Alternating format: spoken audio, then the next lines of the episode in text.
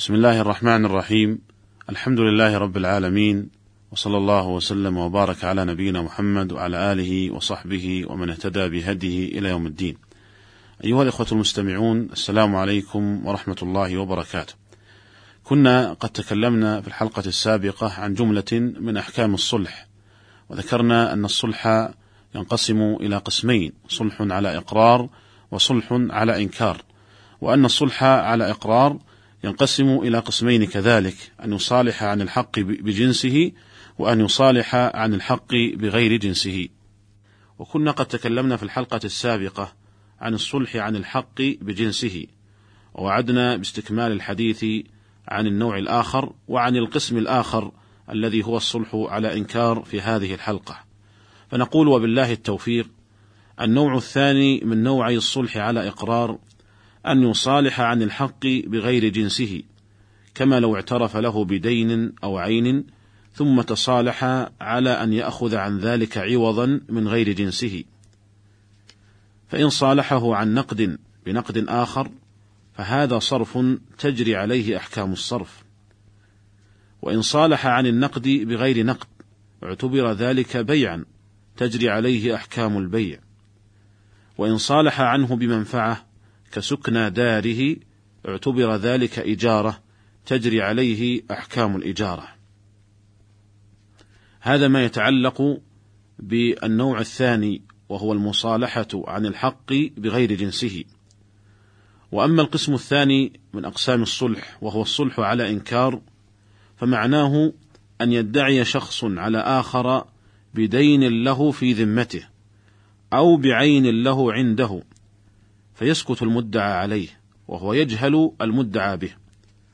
ثم يصالح المدعي عن دعواه بمال. ونوضح هذا بالمثال.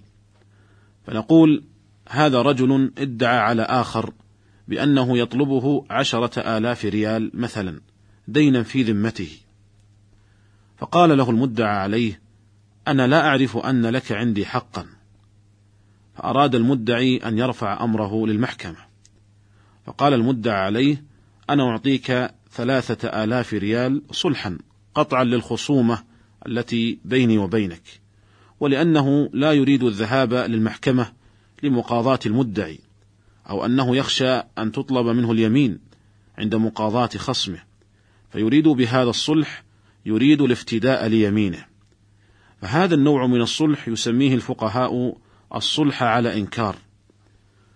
وهو صحيح في قول جمهور الفقهاء من الحنفية والمالكية والحنابلة. وذهب الشافعي رحمه الله إلى أنه لا يصح الصلح على إنكار، ولكن القول الصحيح عند المحققين من أهل العلم هو قول الجمهور، وهو أنه يصح هذا النوع من الصلح، وذلك لعموم قول النبي صلى الله عليه وسلم: الصلح جائز بين المسلمين إلا صلحا أحل حراما أو حرم حلالا.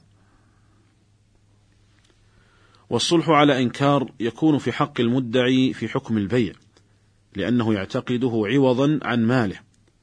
وأما في حق المدعى عليه فهو إبراء عن الدعوى، لأنه قد دفع المال افتداء ليمينه، ولإزالة الضرر عنه، ولقطع الخصومة، ولصيانة نفسه عن التبذل والمخاصمات، لأن ذوي النفوس الشريفة يأنفون من ذلك، ويصعب عليهم، فيدفعون المال للإبراء من ذلك.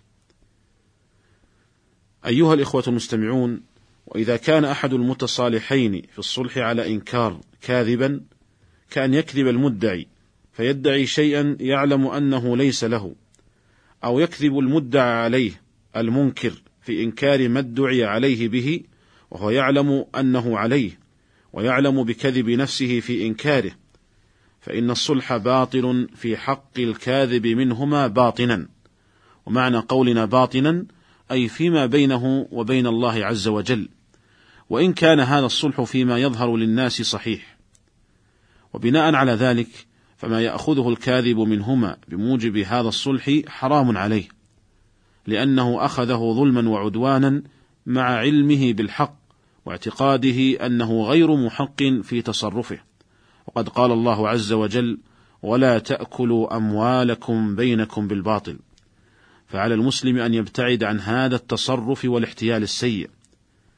وقد قال النبي صلى الله عليه وسلم إنكم تختصمون إلي وإنما أنا بشر ولعل بعضكم أن يكون ألحن بحجته من بعض فإني أقضي بينكم على نحو ما أسمع فمن قضيت له من حق أخيه شيئا فلا يأخذه إنما أقطع له قطعة من النار. أخرجه أبو داود وأحمد والدار قطني والحاكم وقال صحيح على شرط مسلم. ومن مسائل الصلح على إنكار أنه لو صالح عن المنكر أجنبي بغير إذنه صح الصلح في ذلك. ونوضح هذا بمثال. هذا رجل ادعى على آخر دينا فأنكر المدعى عليه. فأتى أحد الناس وبذل للمدعي ما ادعاه أو بعضه قطعا للخصومة وإصلاحا بين المتنازعين. فإن هذا الصلح صحيح ولو كان بغير إذن المدعى عليه لأن هذا الأجنبي الذي بذل المال إنما قصد بذلك إبراء المدعى عليه وقطع الخصومة عنه فهو كما لو قضى عنه دينه ولكن لا يطالبه بشيء مما دفع لكونه قد تبرع به فلا يستحق الرجوع عليه به. ويصح الصلح عن الحق المجهول سواء كان لكل منهما على الآخر أو كان لأحدهما إذا كان هذا المجهول يتعذر علمه. ونوضح هذا بالمثال. هذا رجل اشترك مع آخر في مؤسسة مثلا ولكل منهما على الآخر ديون ولا يعرفان مقدار هذه الديون على وجه التحديد. فنقول يصطلحان صلحا بعدما بعد تحري الحق ثم يحلل كل منهما صاحبه. ومثل ذلك ما لو كان بين رجلين معاملة وحساب قد مضى عليه زمن طويل ولا علم لكل واحد منهما بما عليه لصاحبه. والأصل في جواز الصلح عن المجهول حديث أم سلمة رضي الله عنها السابق. وفيه أن رجلين من الأنصار أتيا النبي صلى الله عليه وسلم يختصمان إليه في مواريث قد درست بينهما وليس بينهما بينة. فقال رسول الله صلى الله عليه وسلم إنكم تختصمون إلي وإنما أنا بشر ولعل بعضكم أن يكون ألحن بحجته من بعض فإني أقضي بينكم على نحو ما أسمع. فمن قضيت له من حق أخيه شيئا فلا يأخذه وإنما أقطع له قطعة من النار. يأتي بها في عنقه يوم القيامة. فبكى الرجلان وقال كل واحد منهما حقي لأخي.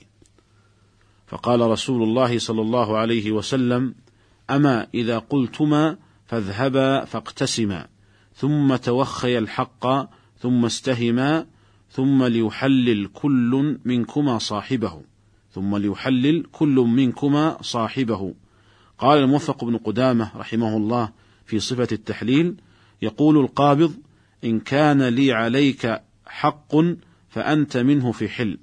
ويقول الدافع إن كنت أخذت أكثر من حقك فأنت منه في حل. انتهى كلامه رحمه الله أو يأتيان بأية عبارة تفيد هذا المعنى. وإنما أمر النبي صلى الله عليه وسلم بأن يحلل كل منهما صاحبه احتياطا لبراءة الذمة لأن حق المخلوق عظيم. والصلح عن المجهول ربما لا يصل كل منهما به إلى حقه على وجه التحديد ومع كون حق كل منهما مجهولا مع عدم وجود البينة لا يبقى خيار سوى أن يصطلح صلحا بعدما يتحر بعدما يتحريان الحق ويحلل كل منهما الآخر.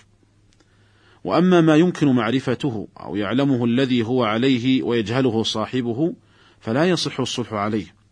مثال ذلك أن يقال لأحد الورثة: نعطيك كذا من المال على أن تخرج من الميراث. قال الإمام أحمد: إن صولحت امرأة من ثمنها أي الذي تستحقه بالميراث لم يصح واحتج بقول شريح أيما امرأة صولحت من ثمنها لم يتبين لها ما ترك زوجها فهي الريبة كلها قال وإن ورث قوم مالا ودورا وغير ذلك فقالوا لبعضهم نخرجك من الميراث بألف درهم أكره ذلك. وإنما لم يصح الصلح في هذه الحال لأن الصلح إنما جاز مع الجهالة للحاجة إليه لإبراء الذمم ولإزالة المنازعات.